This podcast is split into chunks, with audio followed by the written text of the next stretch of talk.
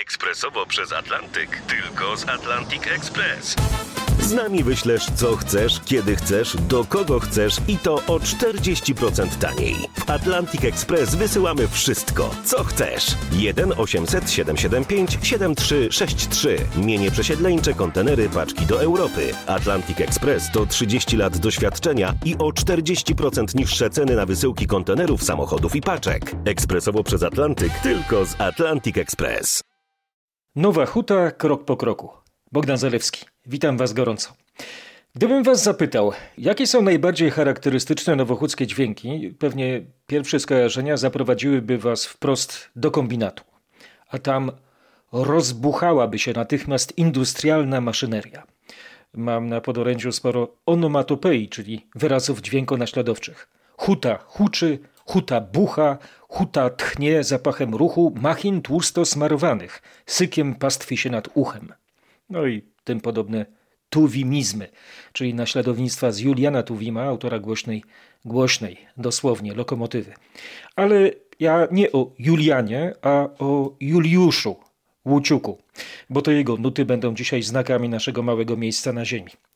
Już y, wspominałem o tym wybitnym kompozytorze. Niestety to wspomnienie miało też inny sens, żałobny. To były raczej wypominki za duszę Juliusza Łuciuka. Bo ten twórca bardzo oryginalnej muzyki, od awangardy po neoklasyczne utwory religijne, zmarł 17 października zeszłego roku w wieku 93 lat. Kiedy przeczytałem tę smutną informację w internecie, poświęciłem artyście dosłownie parę słów, mój krótki nekrolog, powiedzmy taką lakoniczną elegię. Bo oprócz wspomnienia zacytowałem fragment znakomitej opery Juliusza Łuciuka Demiurgos. W tym podcaście chciałbym Wam zaprezentować mój reportaż, efekt rozmów z Turkami kompozytora. Jak czytam w biogramach sióstr, starsza pani Joanna Łuciuk-Kalinowska ukończyła Akademię Muzyczną w Krakowie i jest wiolonczelistką Filharmonii Krakowskiej. Jej mąż, Marek Kalinowski, jest kontrabasistą Filharmonii i prowadzi klasę kontrabasu w Krakowskiej Akademii. Młodsza, pani Agnieszka Łuciuk-Wojczuk jej mąż Krzysztof Wojczuk ukończyli Krakowską Akademię w klasie skrzypiec – Pani Agnieszka ma ze sobą także studia z muzykoterapii. Prowadzi terapię muzyczną dla chorych na nowotwory w Stowarzyszeniu Unicorn w Krakowie. Rodzina Łuciuków o bardzo bogatych tradycjach muzycznych mieszkała na osiedlu kolorowym, więc to tu zawiodły nas dzisiaj nowochódzkie kroki.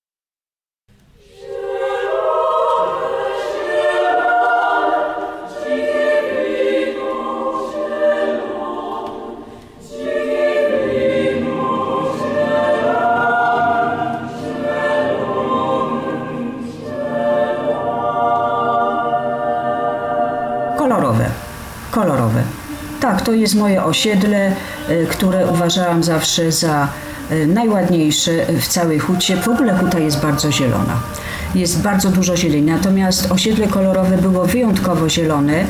Mieszkaliśmy w bloku numer 6. W samym środku osiedla, w samym sercu osiedla były takie cztery punktowce, wtedy jeszcze pomalowane barwami nie tak smutnymi jak teraz.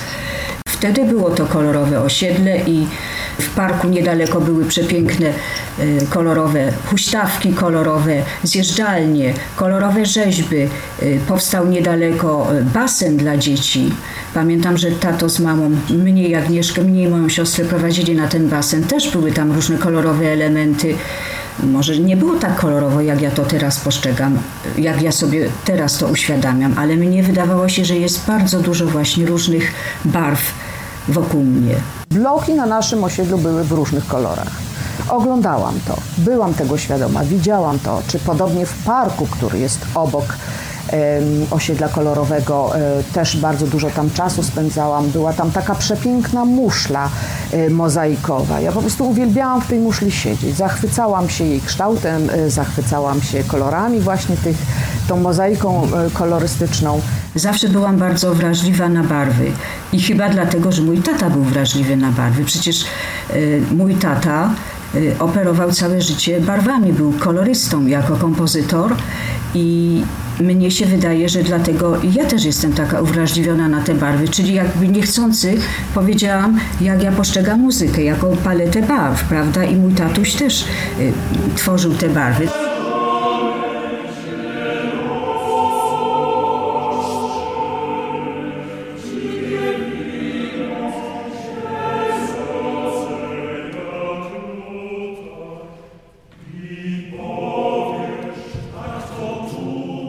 Pozwoliłam sobie kiedyś użyć sformułowania, że jestem siostrą napisanych przez ojca utworów, ponieważ rzeczywiście e, w latach dziecięcych e, ja nie chodziłam do przedszkola, więc spędzałam czas w domu. No, tata zajęty swoim komponowaniem, no to ja mu właśnie w tych dziecięcych latach dużo towarzyszyłam, siedziałam pod, pod fortepianem. E, to była rzeczywiście ogromna atrakcja. Mnie kiedyś tata wyciągnął za rękę spod tego fortepianu i pokazał mi, jak się robi na przykład pewne barwy. Pokazał, mnie się to bardzo podobało, ale z tego co ja pamiętam, to nie było u taty czegoś takiego, że próbował, próbował, próbował wyrzucał jakieś na przykład y, rzeczy czy fragmenty, tylko raczej wcześniej miał już jakąś myśl i potem ja już słuchałam jakby tej końcowej myśli. I to potem tata przelewał na papier.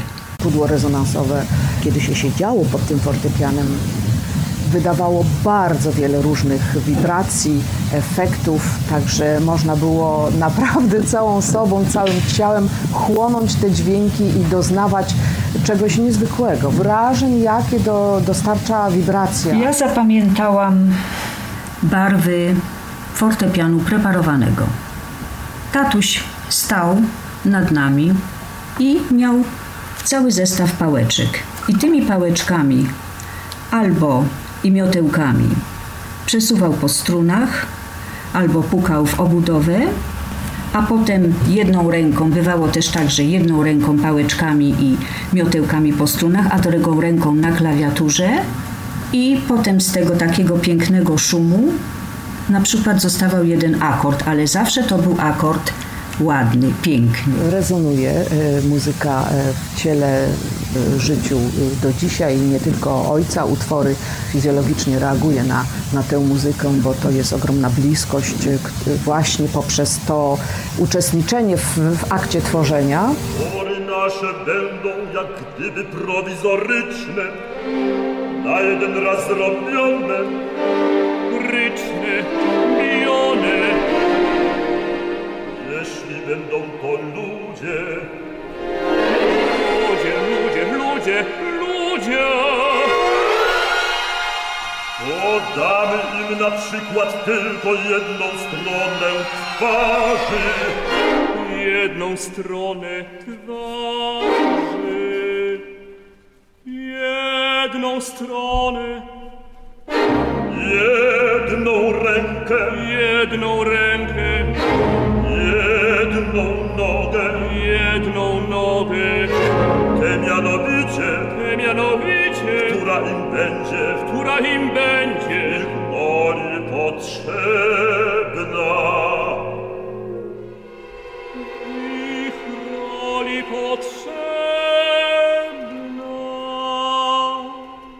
Prawdziwej muzyce nie ma brzydoty, a mój tata właśnie różnił się od całej tej grupy, że tak powiem, kompozytorów, którzy otaczali go i przecież to był okres i awangardy, i niszczenia instrumentów, i łączenia muzyki z teatrem, i różne takie, jak ja to mówię, no, no, eksperymenty. I tato przede wszystkim zawsze muzykę tworzył piękną i nawet jeżeli mm, używał instrumentu fortepianu preparowanego tak, czyli nie korzystał z klawiatury, tylko posługiwał się pałeczkami i miotełkami i używał do wydobycia dźwięku strun i obudowy fortepianu, to było to piękne. To nie było na przykład walenie takie y, stuki, puki. Ja dużo i muzyki współczesnej się nasłuchałam i nagrałam od małego i wiem, że muzyka mojego taty była zawsze piękna, kolorowa i piękna. Nigdy nie można ją było porównać z żadną inną muzyką, którą nagrywałam, czy którą słyszałam, z którą chodziłam na koncerty, a wiem, że była moda wtedy na takie różnego rodzaju eksperymenty z instrumentami na scenie, z niszczeniem instrumentów na scenie. Muzyka taty była zawsze inna. Kiedyś moja koleżanka jedna powiedziała mi w ten sposób po jakimś koncercie taty, wiesz co, twój tato musi być chyba bardzo dobrym człowiekiem, bo jego muzyka napełniła mnie jakimś takim spokojem i ona jest po prostu dla mnie piękna.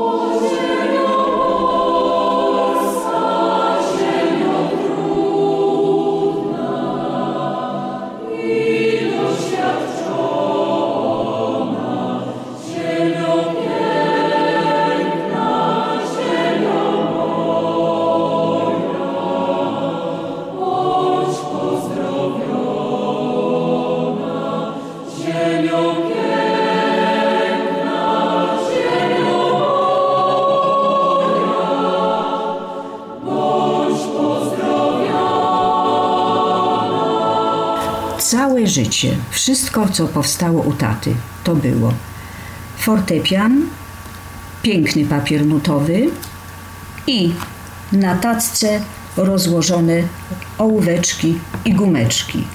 Wszystko precyzyjne, wszystko pięknie napisane. I to był cały warsztat taty, odkąd sięgam pamięcią. Od chyba piątego roku życia do ostatnich chwil taty. Był to taki y, duży, duży salonowy y, pokój, więc y, wtedy, kiedy tata pracował, no to wiadomo, że, że trzeba było czasami chodzić na paluszkach, ale generalnie jak tata nie pracował, no to to była taka przestrzeń dla wszystkich. Fortepian w dużym pokoju, tak mówiliśmy na ten pokój tatusia, w dużym pokoju fortepian, stół, na którym leżały stosy papierów, ale zawsze był porządek i rozłożone linijka, gumeczki i ołówki różnej maści, różnego rodzaju, z miękkim grafitem, z twardym grafitem, miękkie gumeczki, twarde gumeczki. Tatuś wszystko pisał ołówkiem, pisał przepięknie, a to było wspaniałe wszystko, to nie były jakieś gryzmoły. Pozwoliłabym sobie użyć tutaj ym, słów ym, mojego wielkiego mentora, y, krakowskiego filozofa Karola Tarnowskiego, który był również akompaniatorem y, w czasie moich studiów muzycznych. Usłyszeć niewidzialny.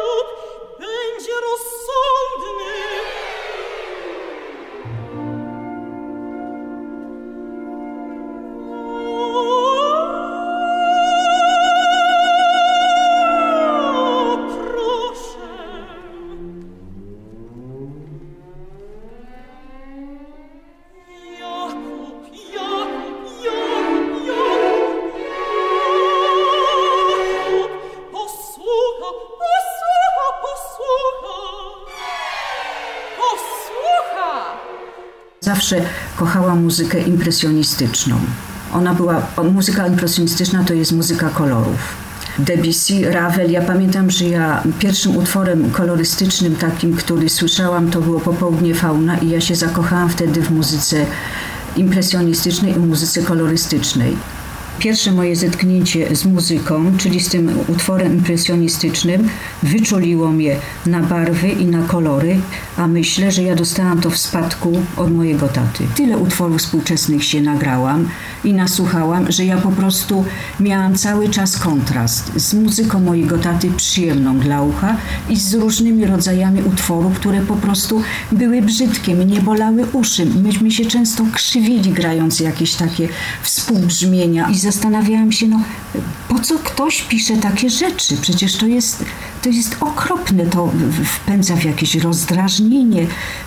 Czy ja będę spać po takich nagraniach?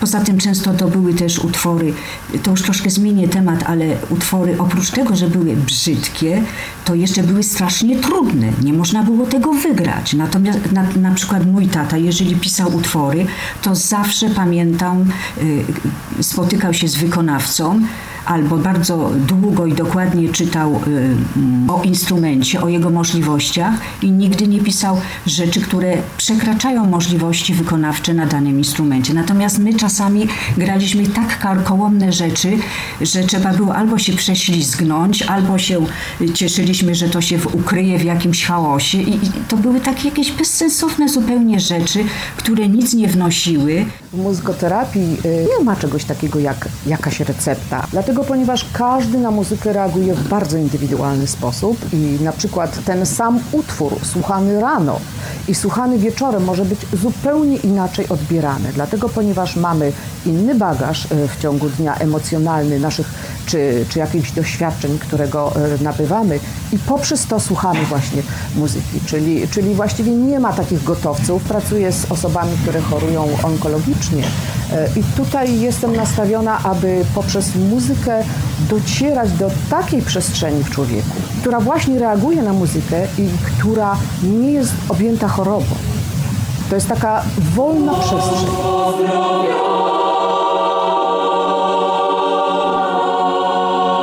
tata żył otoczony niezwykłym światem wartości. I to było coś, co, co na pewno ja się nauczyłam w moim domu, że wartości to jest coś nadrzędnego, co w życiu jest bardzo ważne. Moja rodzina była rodziną katolicką, y, bardzo wierzącą i ja często widziałam tatę z różańcem w ręku, jak po prostu się modlił. Poza tym tatuś mm, bardzo był zafascynowany poezją Jana Pawła II. Bardzo, bardzo. Zresztą w ogóle nie tylko poezją, ale postacią Jana Pawła II i wiem, że wspaniałe jego utwory powstały w oparciu o poezję Jana Pawła II. I są to bardzo piękne utwory i no szkoda, że tak rzadko wykonywane, no ale to już inna sprawa. Oprócz tych utworów na fortepian preparowany pisał tradycyjnie, tradycyjnie, tonalnie, a druga droga to była ta, której często bali się inni twórcy, bo przecież był okres, y, że tak powiem, w naszym życiu, gdy wartości chrześcijańskie były tępione i odrzucane, prawda?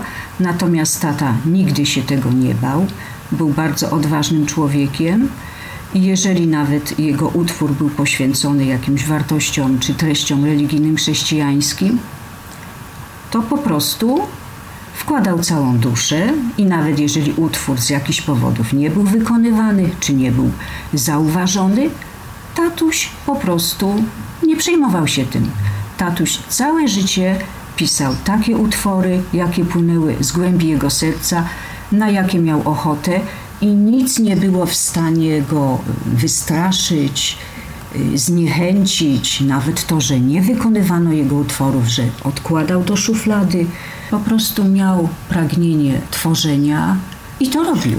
To był świat na pewno wiary, świat prawdy, miłości i piękna. Język miłości, pełen takiej delikatności, e, zrozumienia, e, był e, bardzo istotną taką twórczą inspiracją mojego ojca. Wiara była dla mojego taty zawsze bardzo ważna i tatuś miał mm, swoje takie oparcie w Bogu, w rodzinie był człowiekiem bardzo prawym, bardzo uczciwym i nic nie było go e, w stanie jakoś przerazić w życiu.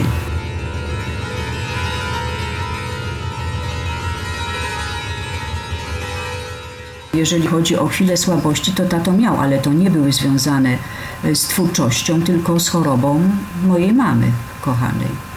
Tatuś miał wtedy okresy słabości. Widziałam, jak mm, było mu bardzo ciężko pogodzić opiekę nad mamusią, która bardzo chorowała. Tatuś raz mył mamusię, karmił, a potem przechodził do pokoju i komponował. To był bardzo trudny okres dla taty. Bardzo trudny. I to były jedyne oznaki słabości, jak widziałam, że tata się po prostu mozoli z tym życiem. Chce to wszystko połączyć. Chce być wspaniałym mężem, opiekunem dla chorej osoby i jednocześnie widzi, jak nie może dokończyć jakiejś myśli, musi odejść od fortepianu, od, od partytury. Tak, to był jedyny okres dla, trudny dla taty. Taki okres, powiedziałabym, słabości. Ale to nie było związane z niskim poczuciem swojej wartości jako kompozytora, czy, czy z jakimiś obawami, że utwory będą źle odebrane czy coś, to była zupełnie inna sprawa. To była sprawa życia i, i choroby drugiej osoby. I czy uda się tacie właśnie pogodzić to, te dwie najważniejsze w jego życiu sprawy, czyli miłość y, do żony i miłość do muzyki, czy on temu podoła. Posłużę się tutaj y, słowami Adama Hernasa, który pisał na temat y, fenomenologii bliskości. Od zawsze jesteś przy mnie.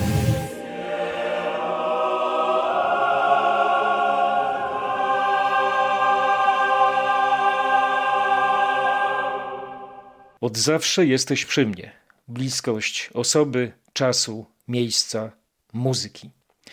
Przybliżyłem Wam w podcaście wybitną postać kompozytora Juliusza Łuciuka, ale pragnę też oddać hołd nieżyjącej mamie moich rozmówczyń, żonie kompozytora, pani Domiceli. Młodsza córka, pani Agnieszka, przekazała niezwykłą dla mnie informację i fotografię notatki na kartce w kratkę. Nowochucianie mieszkający na osiedlach Piastów czy Tysiąclecia mogą się zdziwić – W każdym razie ja nie wiedziałem o tej roli pani Domiceli Łuciuk. Mamusia była radną y, w Nowej Hucie i w tym czasie proponowała nazwy osiedli w Nowej Hucie, osiedle Piastów, osiedle Jagiellońskie, wszystkie historyczne. Moja mama oprócz tego, że była muzykiem, miała także wykształcenie polonistyczne i bardzo jej zależało na tym, y, pamiętam jeszcze te, te, te wypowiedzi mamy, żeby w Krakowie, w tej Nowej Hucie, kiedy Nowa Huta powstawała, to był przecież czas głęboko socjalistyczny, żeby ten akcent historyczny pojawił się właśnie w nazewnictwie osiedli i, i jestem bardzo z tego dumna. Na kartce wyrwanej z zeszytu długopisem pani Domicela Łuciuk zanotowała m.in. propozycje nazw ulic Cedyńska, Legnicka, Wiślicka czy Srebrnych Orłów.